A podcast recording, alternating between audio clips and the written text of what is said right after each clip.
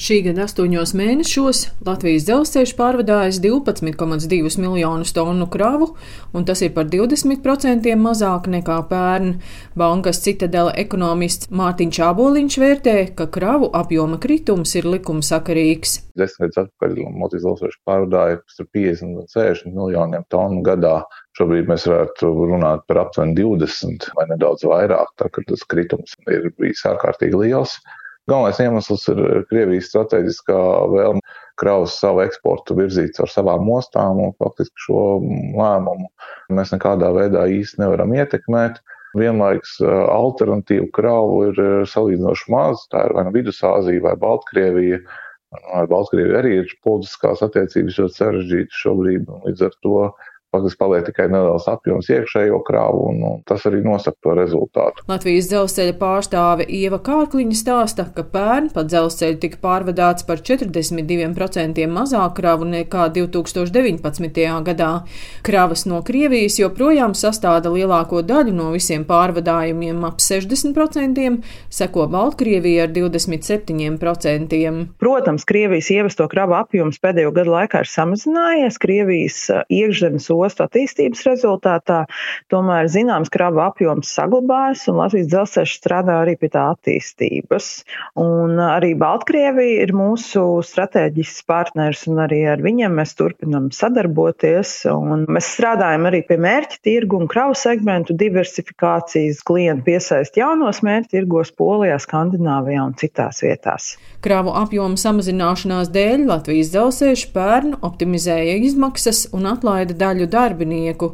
Pagājušajā nedēļā Latvijas dzelzceļa pārstāvji viesojās Ukrainā, lai runātu gan par kravu apjomu palielināšanu starp Latviju un Ukrainu, gan arī par pasažieru vilcienu kustības atjaunošanu. Tika pārunāta iespēja atjaunot pasažieru pārvadājumus maršrutā Kijeva, Rīga. Tāpat arī mūsu Latvijas dzelzceļa meitas sabiedrība LZ Ritošā sastāva servis parakstīja tādu sadarbības līgumu ar Ukrainas Interrail, kas ļaus piedāvāt uzņēmuma lokomotīvu un vagonu remontu pakalpojumus Ukrainas tirgu, kur ir plaši attīstīta dzelzceļa infrastruktūra un, un arī diezgan apjomīgs šis ritošais sastāvs. Satiksmes ministrijas eksperts Andris Maldups vērtēja, ka Ukraina varētu caur Latviju eksportēt graudus, bet Latvijas mērķis ir sadarboties arī ar citām Melnās jūras reģionu valstīm. Turcijas preces mums Eiropā visur ir plaši izplatīts. Tās mēs arī ceram piesaistīt. Galvenais, ka tas atbilst arī pilnībā Ukrainas interesēm, kāpināt savu tranzīta potenciālu. Ir arī dažādas šīs starpvaldību komisijas un transporta darba grupas mums ir izveidotas un aktīvi strādā gan ar Kazahstānu, gan ar Uzbekistānu.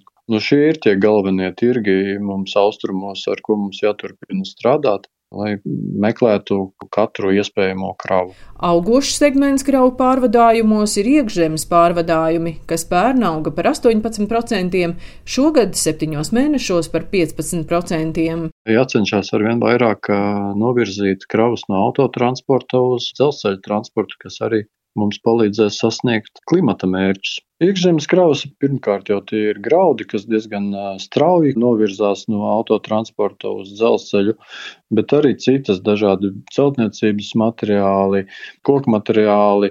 Tagad arī dzelzceļš ir uzsācis jaunu projektu kopš māja mēneša jau regulāri satiksme ir ar kontrēleru pārvadājumiem uz Liepāju.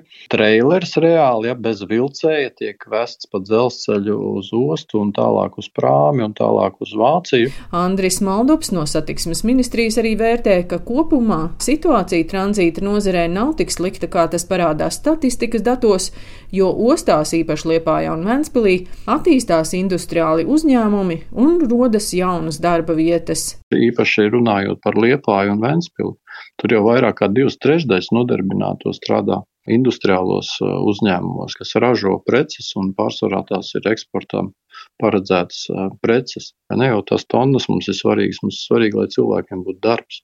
Gan kokapstrādes rūpnīcas, gan metāla apstrādes rūpnīcas, būvniecības dažādu elementu rūpnīcas, pat moduļu mājas veido, saimniecības automašīnas komplektē, kas ir tīra ielas, dažādas komplektējošās detaļas ražo. Liepājā izveidojušies ļoti lieli tie industriālie parki, kur strādā diezgan daudz dažādu uzņēmumu. Latvijas dzelzceļš uzsācis kravu pārvadājumus arī no Ķīnas. Sadarbībā ar Latvijas pastu pa dzelzceļu 300 reisos piegādāti e-komercijas sūtījumi, kravas ceļo tālāk arī uz Kaļiņingradu. Daina Zalamane, Latvijas radio.